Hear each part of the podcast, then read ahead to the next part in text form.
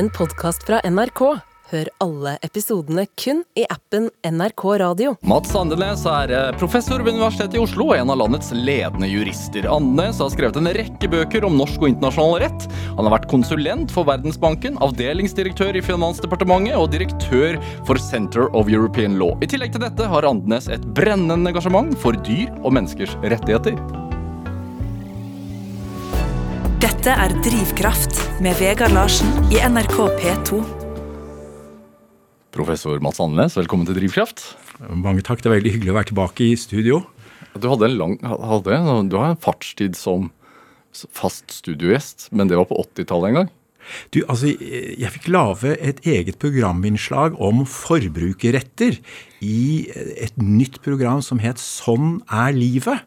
Og, og, det var i NRKs oppkjøring i forbindelse med at de skulle starte P2, og, og det var en ny virkelighet med privatisering i fremtiden. Så skulle, skulle de lage et populært morgenprogram. Og der tror jeg det var Iona Agerup, som er en av, en av de store radionavnene fra 80- og 90-årene, 70-årene kanskje eh, også. Eh, hun eh, mente da å ha et forbrukerinnslag, forbrukerproblemer og forbrukerjuss, ja. det egnet seg. Og da tok de med meg, og jeg hadde da fra ti minutter til nesten en halv time én gang i uken. Det er nesten ikke til å tro. Hva slags saker var det du tok opp? Ja, Det var forbrukere som var lurt, da.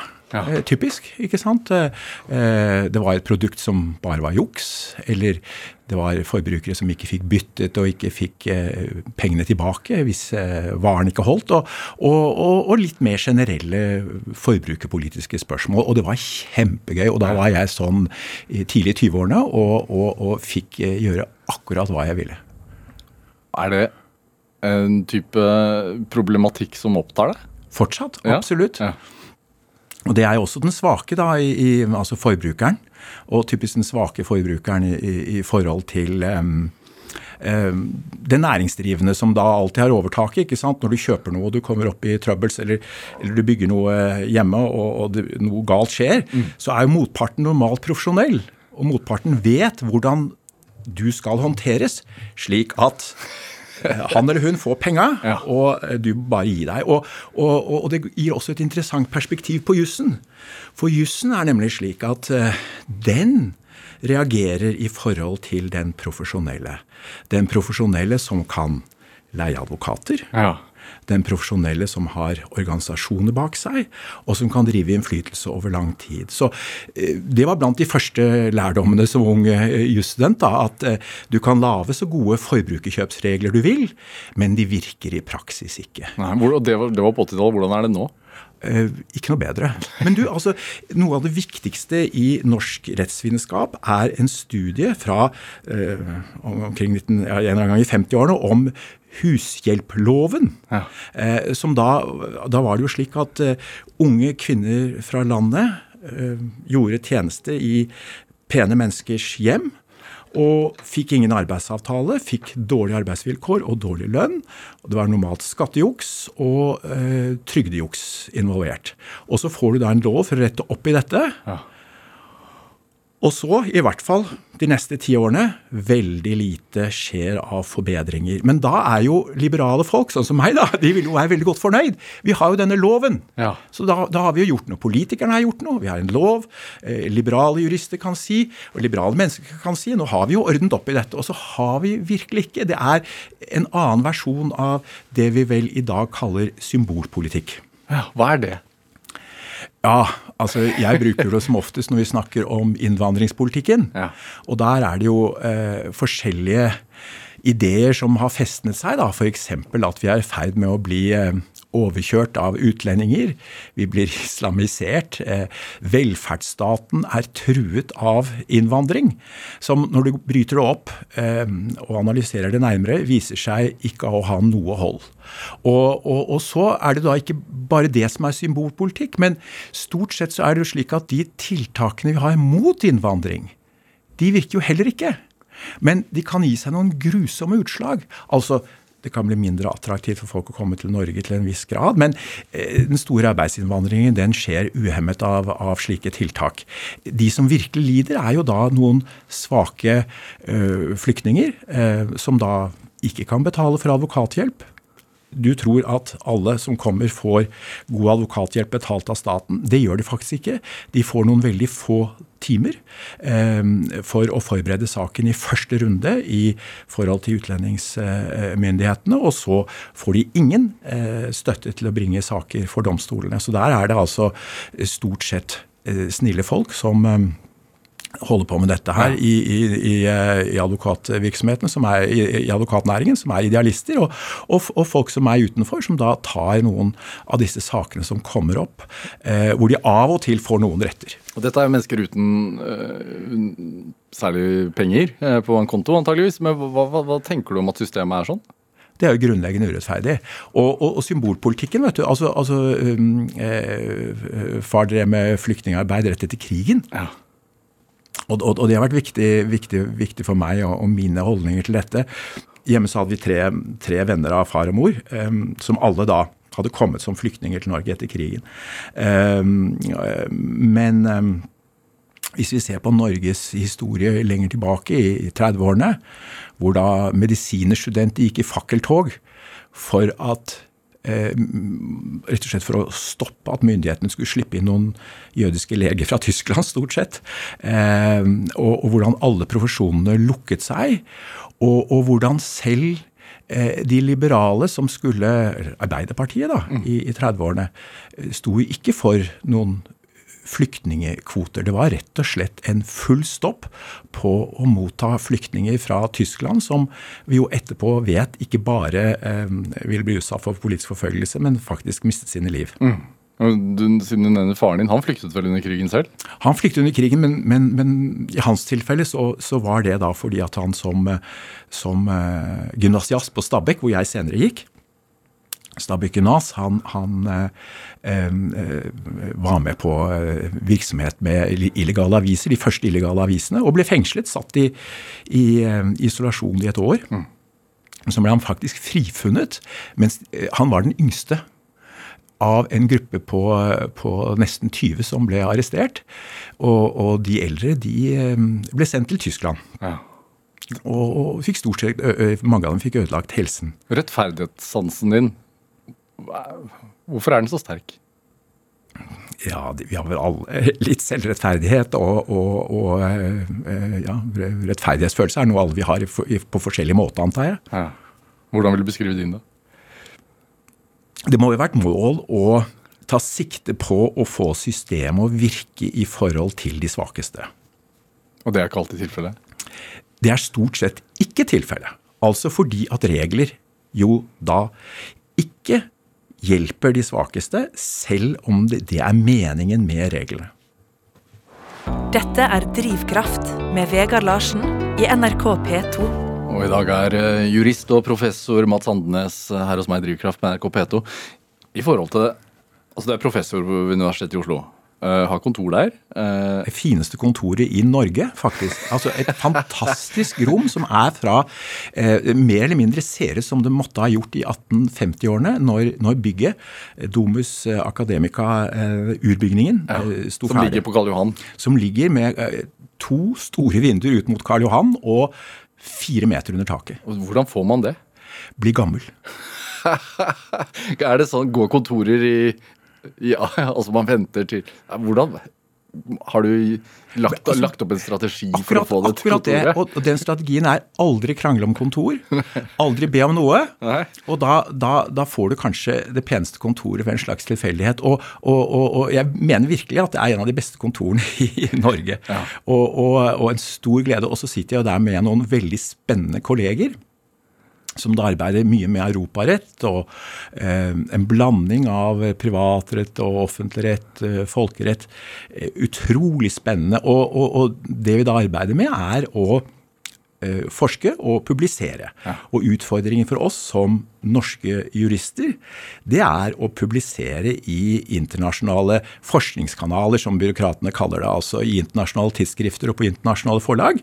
Og, og det innebærer da at du må arbeide med ting som forskere utenfor Norge ja. Er opptatt av. Hvordan forsker man som jurist?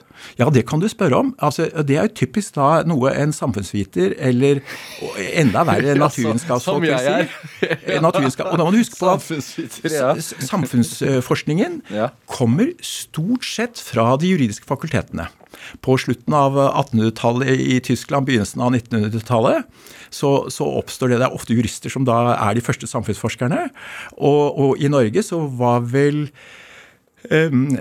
sosialøkonomi, eh, samfunnsforskerne, i hvert fall sosialøkonomene, var en del av det juridiske fakultet inntil en eller annen gang tidlig i 1960-årene, når SV, samfunnsvitenskapelige fakultetet, blir opprettet. Og hvis du går til middelalderuniversitetene, bare for å klinsje dette helt, eller for å gjøre det helt klart, da, Ja, ja. eh, så, så, For å knuse mine argumenter, var det? Nei, nei, nei. Så var, var, var eh, juss, rettsvitenskap og særlig studiet av romerretten da, et av de viktigste universitetsfagene, og det juridiske fakultet ville vært ett av f.eks.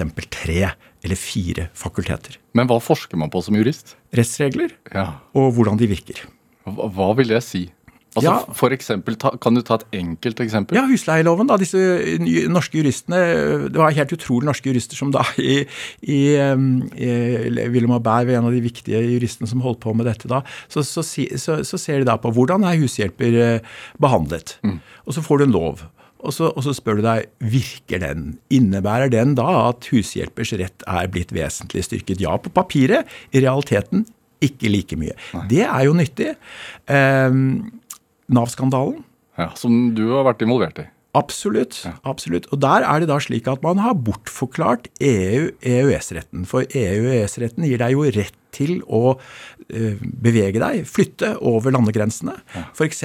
ta med deg eh, eh, trygden din, folketrygdytelsen din, trygden din, til et annet EØS-land.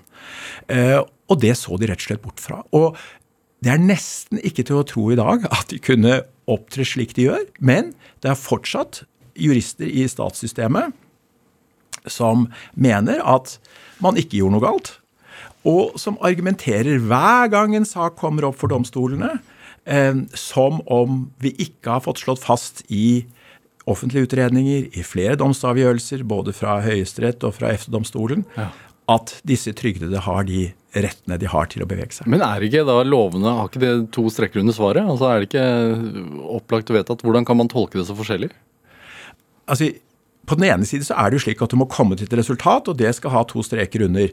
Men veien dit er jo ofte via regler som åpner for tolkningsforskjeller. Ja. Eh, og noen ganger så gir de direkte anvisning på skjønn når det gjelder eh, disse eh, reglene om, som var oppe i Nav-skandalen. Så var det ikke snakk om noe skjønn. Da var det rettsanvendelse. Da var det tolkning av lovreglene. Så det var på en måte elementærfeil. Men da var det en sånn underlig blanding. Altså gå tilbake til dette her med flyktninger og utlendinger og, og symbolpolitikk. Man ville så veldig gjerne stoppe det man trodde var en omfattende trygdeeksport, som var et slags trygdebedrageri. Og så fikk man ikke Det viste seg at det var ikke mulig å gjøre noe som egentlig betydde noe. Og så ble man, ble man sittende igjen da med det som til slutt skulle bli Nav-skandalen. Man eh, tok da og nektet folk å, å flytte med trygden sin. De som hadde gjort det, i flere tilfeller fikk store tilbakebetalingskrav.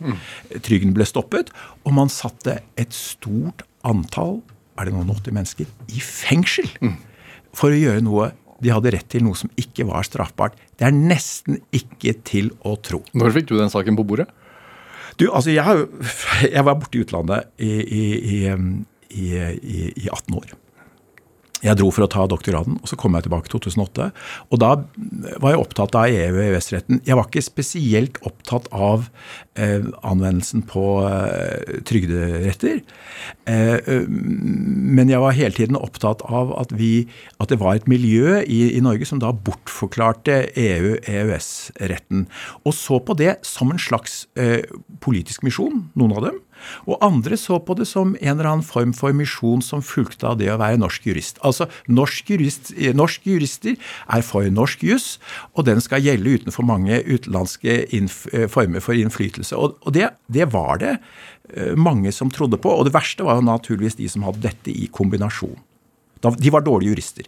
Dermed ble du en dårlig jurist. Ja. Går det da en Unnskyld uttrykket, men en faen i deg, holdt jeg på å si. Og så blir du litt sånn Dette her, dette skal jeg, dette skal jeg være med på. Koste hva det koster. Jeg trenger ikke få betalt engang. Eh, Altså, Jeg får veldig godt betalt som professor. Ja. Og da er jo hele poenget at eh, du skal engasjere deg i samfunnsspørsmål. ja, Og inn, innenfor faget ditt, ikke sant? Og, og i det hele tatt. Eh, Og jeg har veldig flinke kolleger som gjør dette enda mer effektivt og mye mer enn meg. Jeg fokuserer jo på de områdene som jeg har arbeidet med, og som jeg har forskning i.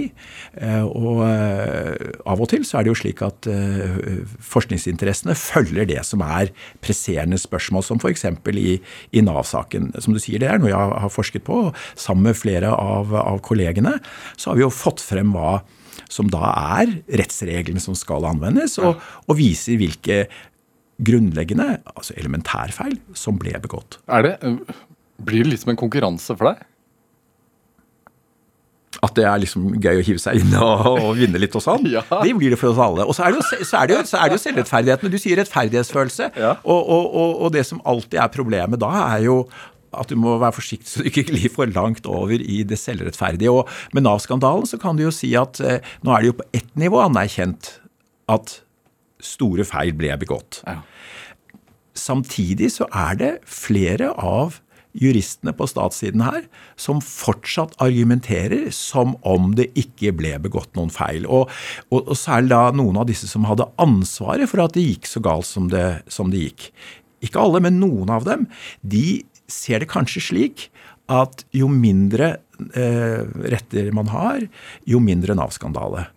Jo mindre feil har de gjort. Så de fortsetter, forts de fortsetter i denne verden. De lever i denne verden hvor de da skal rettferdiggjøre det de gjorde eller ikke gjorde da i de posisjonene hvor de hadde innflytelse på behandlingen av disse menneskene som eh, ble ødelagt i denne Nav-skandalen. Ja, og det skal opp igjen nå i mars, skal det ikke det? Siste runde der? I, i, endeløse runder i, i, i domstolene. Og, og, og så er det jo da faktisk veldig interessant hvordan lovgivningsprosessen da er preget av noen av disse aktørene som var hovedaktører. Altså også når det gikk galt. da, De er fortsatt viktige. Og, og, og, og disse folkene, disse juristene, de eh, agerer da sammen med politikerne, men politikerne er jo opptatt av at reglene skal følges. Men hvis de da får beskjed om at reglene gir anledning til noe som de kanskje politisk sett kunne tenkt seg, så er jo det veldig fristende for dem å eh, dure i vei. Ja. Så juristenes rolle er jo da å si fra, og disse folkene har altså ikke sagt fra. Så, eh, og, og, og noe av det som da blir særlig problematisk eh, her, da, er at eh, de har en innflytelse over lovgivningen. Og i, for, i fjor så ble det fremlagt en eh, proposisjon med lovendringer for å klargjøre eh, rettsreglene, eh, folketrygdlovens regler, slik at man ikke skulle få en ny Nav-skandale. Og, og, og det forslaget var altså så utilfredsstillende at når det kom til Stortinget, så tok Stortinget og skrev det helt om. Ja. Uh, og, så, så det var jo da et godt eksempel på politikerinnflytelse på rettsreglene her. Uh, men det var ikke fordi at de juristene som arbeidet med disse spørsmålene, var opptatt av å løse uh, disse problemene som var oppe i Nav-skandalen. Så man leter rett og slett etter en jurist som kan si at dette er eh, rett, fordi at den politiske viljen vil ha det litt sånn? I noen tilfeller så er, det tilf så er det slik. Men her så kan det nesten være eh, litt den andre veien. At viktige jurister har hatt en påvirkning på de politiske løsningene. Og de har fortsatt stor innflytelse på dem. Og da kan du si at de gjør da politikk til juss.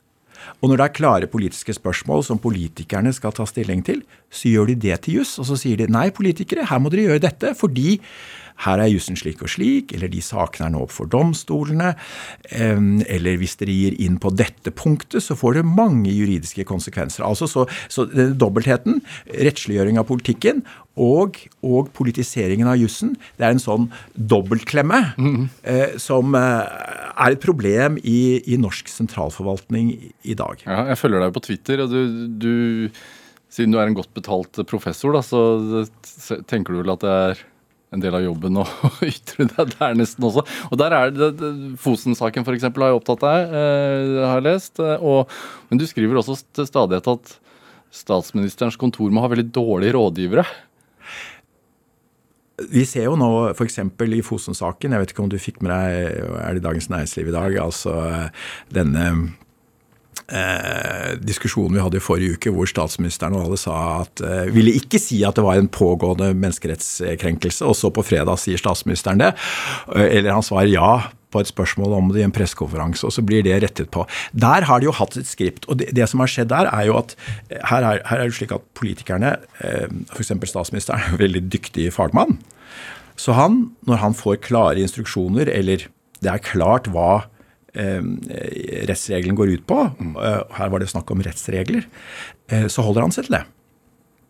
Så det er de rådene vi ser. Det er ikke statsministeren. Statsministeren kan naturligvis gripe inn, men det er jo stort sett slik på SMK, statsministerens kontor, og, og i departementene at man har de rådgiverne man har, og så må man følge dem. Mm -hmm. Så kan man naturligvis, hvis de blir helt håpløse, få noe nye. Men, men, men, men, stort sett når man får faglige råd, så følger man dem. Og her var de faglige rådene veldig politisk uheldige. Det er vel ingen som er i tvil om i dag. Og så sier jo da universitetsmiljøet, de av oss som har arbeidet med disse sakene, vi sier jo at de også var faglig gale. Og da får det en sånn dobbeltklemme. Altså politisering av jussen og, og, og, og eh, juridifisering, hva vil du kalle det, av, eh, av, av, politikken. Du gjør juss til politikk og politikk til juss. Så blir det et eneste eh, altså sammensmøring av begreper og disipliner som da ikke er bra. Politikere skal få klare juridiske råd. Mm. De må være faglig solide. Og eh, så er det politikerne som skal bestemme hvordan de skal forholde seg til dem. Når, Mats Ennes, når du sitter på, på, kontoret ditt på Universitetsplassen da, og ser utover eh, Karl Johan, og, og, du har den stillingen du har og Føler du deg altså, Du ser på Stortinget og du ser, og du ser på Slottet, og så føler du deg litt som en del av staten? Du, altså Jeg føler meg jo veldig eh, Det er en av grunnene til til eh, rettferdighetsfølelse, eller kanskje litt selvrettferdighet. da, altså Staten som system innebærer altså Det er ikke slik at staten f.eks. skal vinne alle sakene for domstolene. Eh, staten er begrenset i sin maktbruk av menneskerettene, og man har alle slags kontrollmekanismer. Mm. Og noen av de juristene jeg snakker om, de undergraver disse kontrollmekanismene og uh, ja, uh, dette at vi har menneskeretter som da faktisk skal begrense hva staten skal kunne gjøre. Og hvis staten trår feil, så er det en serie med mekanismer, domstolen er en av dem, mm. som skal få staten på rett kurs igjen. Og nå, nå har jo domstolene blitt viktigere. Fordi de går jo inn og vurderer menneskerettsspørsmål, som f.eks. da i Fosen-saken. Storkammerdom fra Høyesterett, hvor de uttaler seg ganske generelt. Bruker eh, FNs menneskerettskonvensjon eh, om sivile og politiske rettigheter, artikkel 27, om minoriteter, ja. tolker den og sier at her har vi klare rettsregler som vi også må bruke når vi skal tolke Grunnlovens regler om samiske retter og kulturutøvelse. Mm. Eh, det hadde ikke vært eh, mulig å gjøre for uh, eh, 50 år siden, eller 40 år siden, eller 30 år siden. Eh, og, og, det er viktig at de gjør. Og da er det også viktig at den dommen kommer, og at den da sier klart fra at her har staten trådt feil. Og, og det, det, det, gjorde de da i den dommen, og all, all ære for det. Har vi fått sterkere menneskerettigheter, eller har den fått større tyngde? Altså, Vi har jo hatt menneskerettsbestemmelser i Grunnloven fra 1814 av, og mange av dem var jo da ment å eh, innskjerpe og gjøre helt klart at praksis som var alminnelig på det eh, i den perioden, mm. ikke kunne fortsette. Men moderne menneskeretter er jo i første rekke en etterkrigs... Eh, et etterkrigsfenomen. Og det er de forferdelige tingene som skjedde under den andre verdenskrigen, før og under den andre verdenskrigen, som var opphavet til at vi fikk menneskerettserklæringen i 1948, og så får vi da disse viktige menneskerettskonvensjonene fra 1966, FNs menneskerettskonvensjoner, og så får vi den europeiske menneskerettskonvensjonen innimellom her i 1950. Mm. Viktige, viktige dokumenter. Og da lå Grunnloven litt etter. Så fikk vi inn i 90-årene en bestemmelse i Grunnloven om at um, det påligger statens myndigheter å etterleve menneskerettene. Og så fikk vi menneskerettsloven som sa at de menneskerettskonvensjonene som Norge har eh, inngått, mm. eh, og så lister de opp noen av dem Disse menneskerettskonvensjonene har kraft som norsk lov. Og hvis det er konflikt mellom norsk lov, norsk lov sier noe om menneskerettene og annet, så går menneskerettene foran. Det er, en, er en, et veldig viktig fremskritt. Ja. Men eh, det aller siste, og på mange måter det viktigste for oss som rettssamfunn, er bestemmelsene som kommer inn i Grunnloven i 2014, hvor de da sitter eh, i Stortinget. Eh, Stortingets kontroll- og konstitusjonskomité er Martin Kolberg som er leder for den. Og, og han får med seg sin egen partigruppe. Det var ikke gitt. Og de andre partiene i komiteen nesten med på alt. Mm. En serie menneskerettsbestemmelser som kommer inn som et nytt kapittel i, i Grunnloven. Samerettsbestemmelsen kom inn i 90-årene, men den ble så plassert inn i denne, dette menneskerettskapitlet da i, i 2014. Stemmer det at du har Uh, Fridtjof Nansen sin globus på kontoret? ja, det er en stor glede. altså. Fridtjof Nansen er jo en av heltene. Ja, Er han et forbilde? Også, han er et forbilde. Ja, hva er det i forhold, i forhold til Nansen-pass og, og, hans syn på, Nansen-passet særlig. Ja. Uh, altså det, det, er jo da slik at vi har um, FNs høykommissær for flyktninger.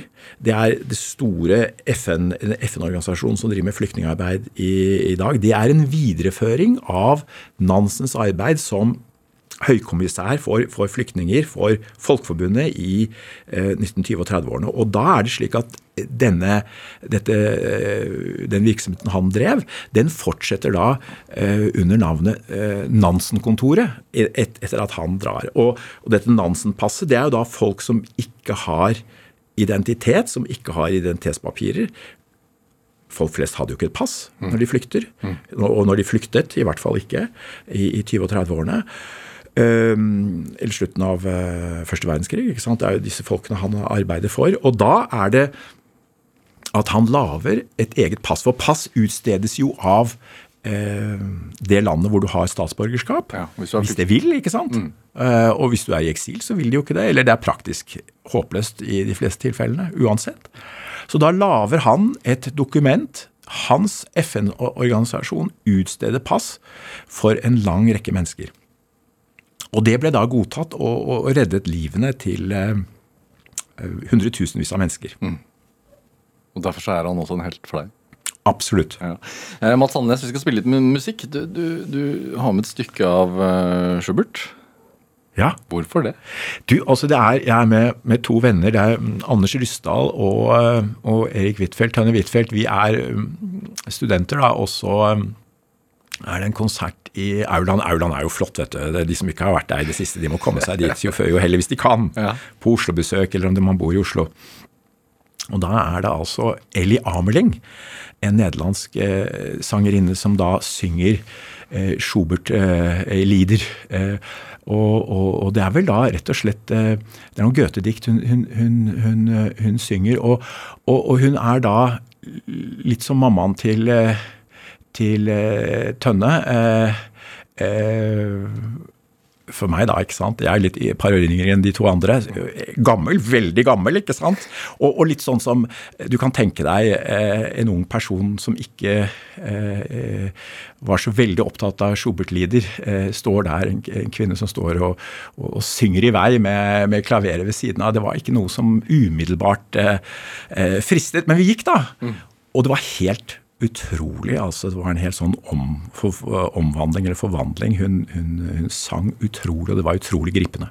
Ja, Jeg skal høre 'Vinterreise', da, men, men, ikke med en kvinne som synger, dessverre. Men, men, men likevel håper det bringer fram noen gamle følelser.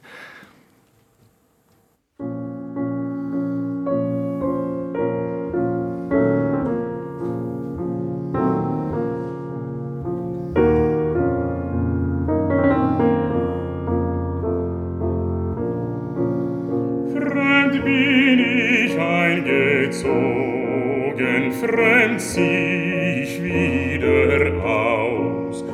Der Main war mir gewogen mit manchem Blumenstrauß. Das Mädchen sprach von Liebe, die Mutter gar von Ehe. Das Mädchen sprach von Liebe, mi Nun ist die Welt so trübe, der Weg gehüllt in Schnee. Nun ist die Welt so trübe, der Weg gehüllt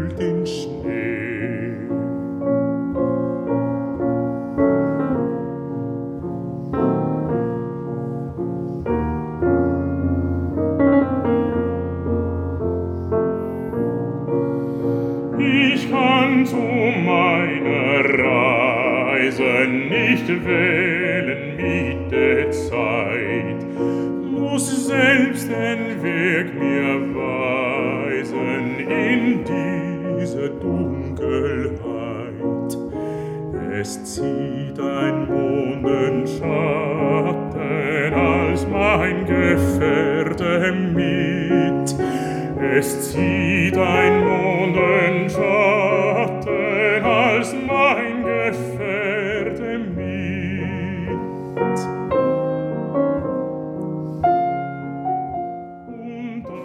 Ja, du fikk en eh, smakebit av eh, til nacht eh, fra Frans Schuberts vinterreise, fremført av Yngve André Søberg her i Drivkraft på NRK P2, valgt av dagens gjest her i Drivkraft, nemlig jurist Mats Andenes. Hva er det med Schubert?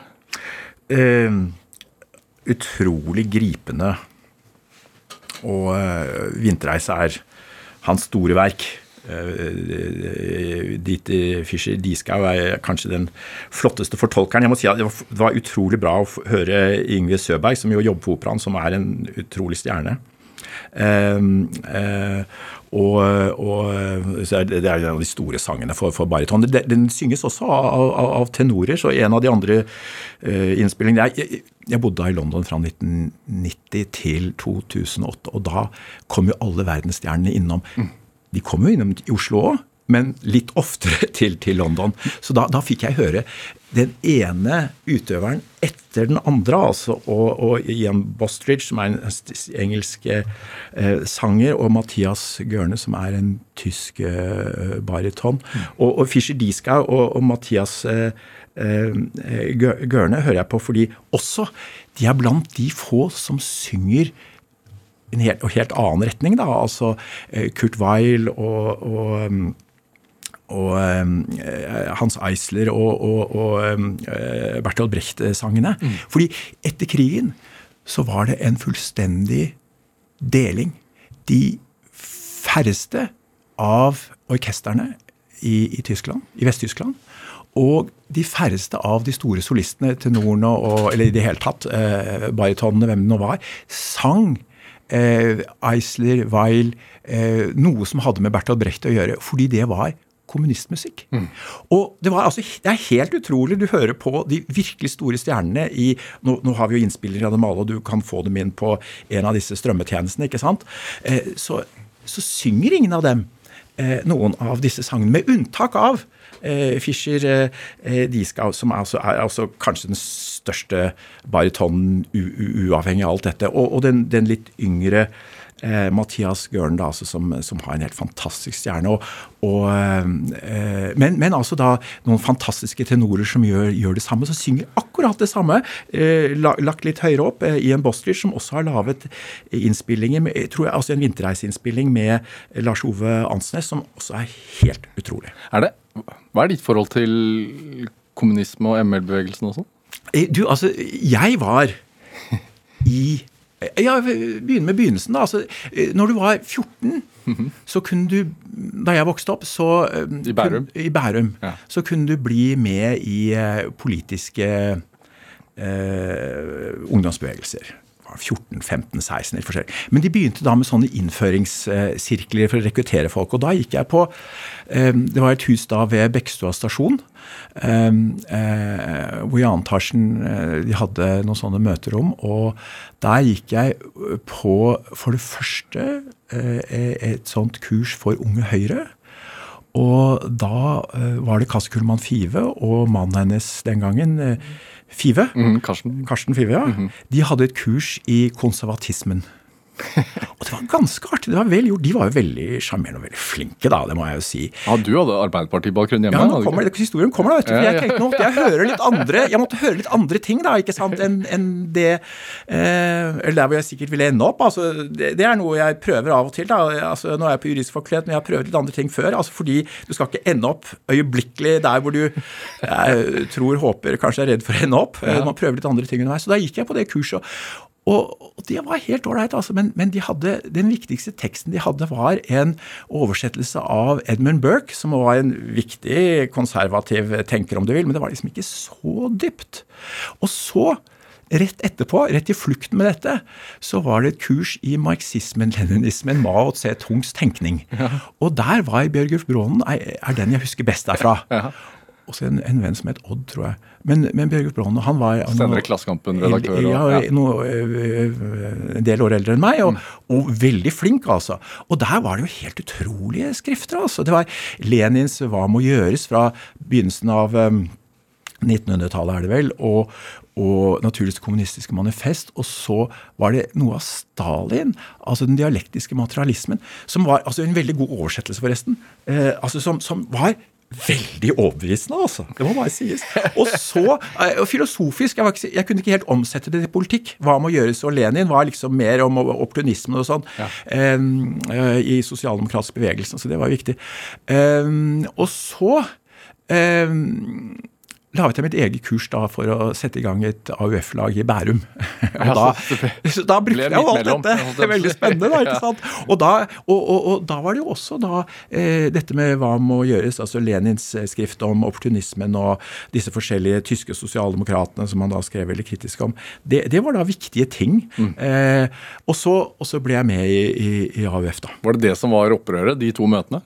Det var ikke noe opprør i det. Det var altså, jo litt sånn helt grei Fra hjemmebane? Jeg tror ikke, jeg vet ikke om jeg diskuterte det. Det, det. det, var liksom, det tror jeg var helt autonom sfære. Ja, hvordan var barnas hjemme da? Det var veldig hyggelig, åpent og, og, og varmt. Ja. Hva, hva, pratet dere om? Mye politikk. Ja. Og samfunnsspørsmål. Eh, politikk og samfunnsspørsmål. Intenst. Ja, hvorfor var det Veldig så del av hjemmet, tenker du? Altså, Far var vært statssekretær på slutten av Gerhardsen-regjeringen og, og, satt på Stortinget for Arbeiderpartiet. Eh, det var liksom hans politiske side. da. Mor var veldig politisk engasjert. Hun satt i kommunestyret mm. eh, og fylksting og de var politisk aktive. Og, og, og, så var jo norsk og samfunnsfag og ting som vi hadde på skolen, det var jo politisk orientert. EF-strid skulle, av, skulle, Norge bli medlem av EU. Mm. Eh, og så kom jeg med i AUF, og så ble jeg valgt til sentralstyret. Og der satt jeg eh, fra jeg var 17 i to perioder. Du velges for en periode av to år, og så ble jeg gjenvalgt én gang. Så satt jeg der i fire år. Det var veldig spennende. Mm. Sissel Rønbeck var, var, leder, og så ble Eh, ble jo Jagland. Eh, han ble leder i den siste perioden. Og de var jo veldig inspirerende og flinke, flinke ledere. da. Hvorfor ble du ikke politiker, da? Du har jo vært avdelingsdirektør i Finansdepartementet. og du ja, jeg trodde kanskje det var det jeg skulle bli. Ja. Og, og, og, det å gå inn i, i Finansdepartementet. Når jeg var i Finansdepartementet, så ergret jeg meg litt over noen av kollegene. Eh, flere av dem som jeg likte veldig godt, altså. Men jeg ergret meg litt over at de kanskje var for åpenbart politiske. altså De var i medlemmer i politiske Noen satt i, i, i bystyret, eller de, de, var aktive i politikken. og så som embetsperson så skulle du da ha tillit til politikere av forskjellige farver. Mm. Så da, da, fornyet jeg rett og slett ikke partimedlemskapet mitt. Eh, eh, eh, for jeg tenkte det var riktig å være nøytral. Men jeg så alltid for meg at dette var den beste bakgrunnen for å bli politiker rimelig, eh, komme seg rimelig greit ut av det med jussen, og så jobbe i Finansdepartementet for å lære alle disse håndgrepene. Men så hadde jeg Det var Anders Brattom var en av professorene på, på, på eh, juridisk fakultet som var opptatt av å, å rekruttere meg til, eh, til eh, jobb der, da, og bli akademiker. Og han sa da et eller annet tidspunkt om at nå må du søke på denne stillingen som, som universitetsstipendiat. Og så sa jeg hun er jo i strafferett, det er liksom ikke det jeg har arbeidet mest med. Og så sa han at det, det måtte jeg absolutt søke, og at han ikke trodde det ble andre søkere hvis jeg, jeg hadde søkt. Og da tenkte jeg det var kjempesnilt, men kanskje også litt sånn at hvis jeg nå da eh, ikke gjorde noe annet, så vil det alltid hvile over meg at eh, det var litt nepotistisk. Det var for mange onkler og, og fettere i, i, i jussen, og for så vidt også min far. Andeslekten er jo kjent juristslekt. Og så hadde jeg to utrolig gode sjefer i Finansdepartementet. Tre. altså En av dem er dommer i EFTA-domstolen i dag, Per Kristiansen. Men ellers var det da særlig særlig uh, uh, Gjedrem, Svein Gjedrem, som ble senere han var ekspedisjonssjef i økonomiavdelingen. Så ble han finansråd, sentralbanksjef og tilbake som finansråd. Og Torbjørn Hermansen, som var finansråd den gangen, altså departementsråd i Finansdepartementet. Og de var utrolig snille og tålmodige og rettet manuskriptet på en måte som jeg aldri har opplevd, og som jeg ikke vet om så mange har, har, har fått. altså. Eh, nytten av så gode sjefer. Og de mente da at det var slett ikke så dumt. De så jo for seg at Norge skulle bli medlemmer av EU, og ha noen som dro og tok en doktorgrad i et EU-land. Ja, det var derfor du reiste til England? Eh, Ja, og da dro jeg til England, fordi jeg tenkte litt på Tyskland eller Frankrike, men språkbarrieren var litt større. Og, og, og så dro jeg til Cambridge, og så tok jeg doktorgraden der. Var det, var det et snev av uh, nepotisme holdt jeg på å si, som gjorde at du også reiste bort? Ja, og da var det jo nettopp for å greie noe på egen hånd. Ja. Eh, slik at man ikke kunne, eller jeg ikke skulle bli møtt med det for mye senere. da. Så kan man jo altså, ta veldig alvorlig, ikke bry seg noe om eh, alt ettersom. Eh, og Det er kanskje litt selvopptatt, men, men, men jeg tenkte den gangen at det var riktig karrierevalg for meg å, å ta doktorgraden i utlandet. Og, og så, mens jeg var i England og så vidt kom til gang med doktorgraden, så fikk jeg tilbud om en jobb på Kings College i University of London. Og da tenkte jeg da, da må jeg bare si ja til det. For det må jo være enda bedre å komme hjem med en liksom, fast universitetsjobb. Og så ble jeg direktør på dette Center of European Law, som du nevnte, eh, som da drev med EU-rett. Og eh, jeg hadde lært litt EU-rett mens jeg jobbet i Finansdepartementet. Ingenting på universitetet, men litt i Finansdepartementet. Og så lærte jeg mye på eh, Kings og, og i, i, Cambridge. Og, og, og så ble jeg eh, etter noen år direktør for et annet forskningsinstitutt, et sånt gammelt, en sånn gammel imperieinstitusjon, The British Institute of International Comparative Law fra 1880-årene, som trengte en, en ny kost. Og, og selv om jeg da ikke var så veldig British, så, så eh, ble jeg utnevnt til det, og der satt jeg noen år. Og da laget jeg også en deltidsstilling for meg i, i Oxford, som jeg har holdt ved like. Eh, eh, og hvor jeg har hatt eh, god kontakt helt frem til i dag. Ja, så ble du jo etter hvert honorary til uh, The Queen's Council i Storbritannia, men også nå The King's Council da, i Storbritannia. Så, så, har- så har du blitt kommandør av Italias fortjenesteorden, uh, blitt til forfremmet da, til offiser i den franske æreslegionen. Altså, betyr disse tingene noe for deg? Du, det er jo Jeg holder jo på å skrive om eh, europarett og folkerett. Ja. Og da er det jo hyggelig at noen utenfor landets grenser eh, trykker de tingene du skriver. Det er jo det viktigste. Og hvis du får en slik anerkjennelse, så er det hyggelig. Akkurat det der med, med, med Queen's Council, du vet, altså det er En av de morsomste tweetene jeg har sett, det er jo da um, Tweetens tekst, da. They've made a man the queen. This is political correctness gone mad. Og det har jeg jo full forståelse for. Men jeg vil også da gender reassign, om du vil. da, Fordi alle som da var Queen's Council, de ble da King's Council. Og, og, og, og det, er ba, det er en advokatærestittel. uh, altså det er ikke Det er liksom ikke uh, Det er ikke slik at jeg rådga dronningen eller rådga kongen eh, hver uke. Men hvor har du disse medaljene? Båndene? Eh, Vær med på kontoret, så kan jeg vise deg dem alle sammen. Ja. De ligger, ligger tilgjengelig for fremvisning. Hvor, er, du forfengelig? Utrolig, som du jo hører. Nei, det, altså, er ikke så ofte du får anledning til å, flotte deg med dem, altså, men det er jo hyggelig at du nevner dem. Ja, tar, du dem på noen gang? Eh, Det er et par ganger i året. Ja. Når det er franske ambassaden f.eks. Da tar du Det er jo kjempeartig, vet du. Eh, altså, Franskmennene de har en sånn Nå har du det også hvis du får St. Olavs, så kan du ha en sånn liten sak i, i nøkkelhullet. En sånn altså pinn, i, liksom? Ja, ja, ikke sant. I blomsterhullet der på dressen der. Hva kaller du det? Knappehullet her oppe. Knappehullet, ja. Knappehullet på jakkeslaget. Og eh, hvis du er i Frankrike, så kan det, ikke nødvendigvis, men det kan hende du får bedre service på et eh, og, og, og, og, jeg vet noen i England som vil oppgi alle de titlene de har når de skal få til en bordreservasjon et sted hvor de ikke, en restaurant de ikke, ikke er kjent på forhånd. Men, men jeg har dessverre ikke fått brukt det til slike ting. Men det, det skal jeg øve på. Ja, ja, ja. Er det det med å, å beskytte den, den svake part, eller den lille mannen, er det, er det Kommer det hjemmefra? Altså dette engasjementet? Altså, Far var jo i Arbeiderpartiet, og det var det han var opptatt av. Det var jo den svake og Han var også faktisk opptatt av samiske retter på, på et eh, tidspunkt eh, som var, eh, hvor det ikke var så mange politikere i hovedstrømmen som var det, i, i 60- og 70-årene. Han døde i 1975. Og, og, og mor var opptatt av særlig den svake forbrukeren. Hun jobbet i, i Forbrukerrådet. Hun var daglig leder for kontorleder for Forbrukerkontoret i Oslo og Akershus, og, og, og var da opptatt av eh, forbrukerrett. Og noen av de tingene jeg har nevnt, har jeg naturligvis fra henne. Og hun laget også en, en ganske elegant overbygning. Hun leste en av de viktige eh, eh, amerikanske samfunnsviterne, Vance Packard, som skrev om reklamens innflytelse hvordan dette påvirker oss. Han laget to viktige eh, Hidden Persuaders, en av de viktige bøkene, som, som er en klassiker. da, Eh, og, og, og satt da i dette fjernsynsreklameutvalget, hvor hun tok ut en lang dissens, hvor hun var opptatt av forskjellige former for påvirkning av særlig barn og svake forbrukere.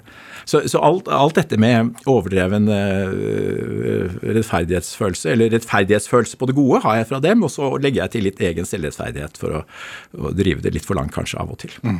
Det, det at du mistet faren din såpass ung, hvordan påvirket det deg, tror du? Nei, Det var veldig overraskende og veldig vanskelig. Ja. Er det Gjør det at man også ønsker å liksom jobbe for de svake enda sterkere? Følge, Det kan godt hende. Ta opp hansken, liksom? Ta opp uh... Det kan godt hende. Ja. Ja. Er det En av sakene som du, som du var veldig engasjert i, var Maria-saken. Ja, Eh, som du også vant frem med til slutt. Var- heldigvis. heldigvis. Ja. Var det også en sånn sak som bare havnet på kontorpulten? Helt tilfeldig. Ja. Det var Georg Scheiven Hansen, som er veldig flink advokat, som nå driver med disse flyktningspørsmålene. Som, som eh, hadde hjulpet, og så hadde de gått rundt da, til flere av de flinke flyktningadvokatene og, og disse pro bono-ordningene som noen av disse firmaene har, som alt er utrolig viktig og gir viktige bidrag, men denne falt litt mellom eh, stolene. Og, og, Kort, kort oppsummert så handlet det om en, en liten jente på tre år som het Maria, som hvis mor skulle bli sendt ut av landet fordi at eh, hun ikke hadde oppgitt riktig personale. Ja. Ikke sant. Ja. Og, og hun, eh, Maria, det som gjorde at vi kunne vinne frem med den saken, var at Maria var norsk statsborger, og hun hadde bare én omsorgsperson, mammaen. Så Derfor så var det en god sak, og den vant da frem til slutt i Høyesterett. Og da var det en, en eh, advokat, eh, eh, Asbjørnsen, som er kjempeflink, og som normalt da har eh, kontraktsrettssaker eh, eh, skattesaker i Høyesterett. Eh, men så tok han denne saken, da. Eh, og eh, kona hans og, og, og, og jeg, vi, vi diskuterte denne saken over, over lengre tid, og så kom han med, og så tok han den. Eh, så vi hadde den sammen i lagmannsretten, og så tok han den i siste runde i Høyesterett. Og, og, og, og eh, det var jo en helt åpenbar rettferdighetssak. Altså en liten pike, tre år, skal ikke bli etterlatt uten sin mamma i Norge. Eller måtte reise til henne, med henne til slummen i, i, i Nairobi, hvor hun da, moren ikke hadde noe nettverk som kunne være til noen, noen hjelp for en liten pike med en etnisk norsk far. og Hvorfor en- må de da gå helt til Høyesterett? det er helt forferdelig. Helt forferdelig. Eh, og eh, saken var så åpenbar. Og jeg snakket med folk som hadde hatt med den eh, saken å gjøre etterpå, på myndighetssiden. da, Og en av de som jeg virkelig respekterer, han sa at ja, men du vet eh, Dere tapte jo i tingretten og lagmannsretten. Det var ikke så lett å gå til eh, utlendingsmyndighetene og si at eh, de skulle omgjøre vedtaket da. Eh, og, det, og, det, var jo helt riktig. Eh, men når faktum jeg, jeg, gikk og så på eh, saken i, og fulgte med da, i Høyesterett når han eh, veldig flinke advokaten eh, eh, forklarte domstolen hva saken dreide seg om. Og, og når han begynte, så, så, så jeg på dommeren at eh, dette var en sak han, han, ville vinne. Den hadde en sånn menneskelig gjennomslagskraft. Men så, så presenterte han da jussen mm. så klart og, og godt at uh, den ble vunnet. Og uh, jeg var veldig opptatt av blant de tingene vi diskuterte på forhånd, var også da å få en fastsettelsesdom for at eh, disse internasjonale menneskerettsreglene her da i, i, den europeiske menneskerettskonvensjonen at de var brutt. så Det var en viktig sak. Og, og så, så, jeg har hatt litt forskjellig medvirkning i Også tidligere har jeg vært med og, og, og bistått noen av disse advokatene i saker som ikke alltid jeg har vunnet, men noen ganger jeg har vunnet. Og så har jeg ført en del saker selv mm. for forskjellige norske domstoler. Og i Maria-saken da, så var jeg i tingretten og lagmannsretten, og, og, og, det var interessant å se. Det var læring for meg, da, som ikke hadde vært i norske domstoler eh, før denne saken. Eh, og, og de, en god del saker er vunnet, altså, med viktige konsekvenser for de personene som eh, er involvert, men det er også saker som er tapt. Og, og eh, ikke alltid slik at vi har kunnet si at vi har vunnet frem på, på jussen eh, i, i, de viktige, viktige, sakene. Men nok til at jeg syns i sum at det har vært verdt og det er noe jeg vil fortsette med. Hvordan håndterer du det å tape? Ja, du blir jo litt ergerlig, naturligvis, hvis du har satset mye. Og, og, men så er det jo alltid Man sier alltid at uh, man er dårlig advokat i egen sak og sånn. Nå, uh, og, og, det blir jo litt problemet her. ikke sant? Hvis du vil kritisere det arbeidet jeg gjør, så kan du jo si at jeg tar saker fordi jeg er engasjert i dem, ikke fordi jeg har den profesjonelle uh, distansen. og Det er ikke fordi jeg får eh, honorar for dem, for stort sett så får jeg jo ikke noe for de sakene jeg har. Altså for saksomkostninger hvis vi vinner, stort sett. Mm. Veldig få unntak, faktisk. Eh, så, så, så, du kan si at det kanskje gjør en mindre Men så kan, på en annen måte så er det jo da slik at i de sakene jeg har hatt, mm. så er det ingen som har gått lenger i å undersøke grunnlaget i rettskildene. Det være seg de norske rettskildene, lovforarbeidene osv., eller de internasjonale europeiske menneskerettsdomstolens praksis. FNs eh, traktatorganers praksis. Eh, og, og, da på den andre siden så er det normalt slik at eh, Staten er godt representert. Dyktige advokater på regjeringsadvokatens kontor, som jo da også har akkumulert mye kunnskap eh, som de da kan bruke. Som sjelden er matchet på den andre siden, selv om det er veldig flinke advokater som står der. Ser du på deg selv som, deg selv som litt som en aktivist til tider? Aktivist er jo helt greit å være, jeg ser ikke noe negativt i det. Nei. Men altså, når du da holder på med en faglig argumentasjon, så, så, er det jo da slik at hvis du er advokat, så skal du bruke argumenter som kan overtale domstolen. Det er det viktigste. Eh, når du er, eh, når du er forsker, så, så, blir saklighetskravene annerledes. Og så blir det da viktig å, å holde visse grenser mellom det du da holder på med som advokat eller som eh, deltaker i en politisk diskusjon, og det du skriver som som forsker. Og, og, da må folk få lov til å være kritiske til det du skriver som forsker, og, og mene at du er drevet av uh, disse andre samfunnshensynene, politiske motivene eller hva det nå er. Og så må du da bare gjøre det enda tydeligere, og kanskje av og til avstå fra et retorisk poeng, selv om det er veldig fristende. er det er du optimist eller pessimist på vegne av liksom, internasjonal rett og menneskerettigheter? Akkurat nå så er det grunn til å være pessimist med eh, Russlands eh, invasjon, eh, militære operasjoner, hva som er eh, de forskjellige måtene å formulere det på. ikke sant? I, invasjonen i Ukraina. Eh, eh, og alt det som følger. Altså alt det som følger, det setter jo press på det folkerettslige systemet. når det gjelder utvikling av menneskerettene, så kan du alltid på et hvilket som helst tidspunkt finne negative eh, tendenser og bli bekymret. Men hvis du ser på det i et 50-årsperspektiv, et 30-årsperspektiv, 20-års, til og med 10-årsperspektiv, mm. så er det en betydelig utvikling og styrking av menneskerettene og vernet for menneskerettene. Det er helt klart. Utvilsomt. Uh, også, men så blir spørsmålet hvor skal du passe inn som forsker i dette, da? Og eh, Da ser jo jeg min rolle å, å, se på sammenhengen mellom de forskjellige delene av dette systemet. Europeiske menneskerettsdomstolen og Den europeiske menneskerettskonvensjonen, FN-systemet. Mm. Andre menneskerettssystemer, andre folkerettssystemer. Hva sier Den internasjonale domstolen i Haag, eh, ICJ, om, om eh, disse spørsmålene? Og, og, og, behandle dette på et rettsvitenskapelig grunnlag. Og det er jo det meste av forskningen min går ut på. Og da er det viktig for meg at jeg publiserer da i internasjonale tidsskrifter og på internasjonale forlag, mm. slik at um, jeg da på en måte kan få en, en, en, en, en slags eh, eh, Ved å delta der, så får man jo en slags bekreftelse. Og, og, der er det også kritikk. ikke sant? Fordi hvis du skriver på engelsk, så er det jo da noen hundre, kanskje noen tusen, mm. forskere som hiver seg på og hvis du kommer med noe som da ikke holder, så får du det kanskje ikke utgitt. Fordi forlaget har sånn eh, fagfellevurdering som er eh, ikke bare blant de tre-fire som eh, arbeider på området i, en, i, et norsk miljø, men et noe større miljø. Eh, og, og, og, hvis det blir publisert, eller når det blir publisert, så får du da Det blir jo publisert i en eller annen form til slutt.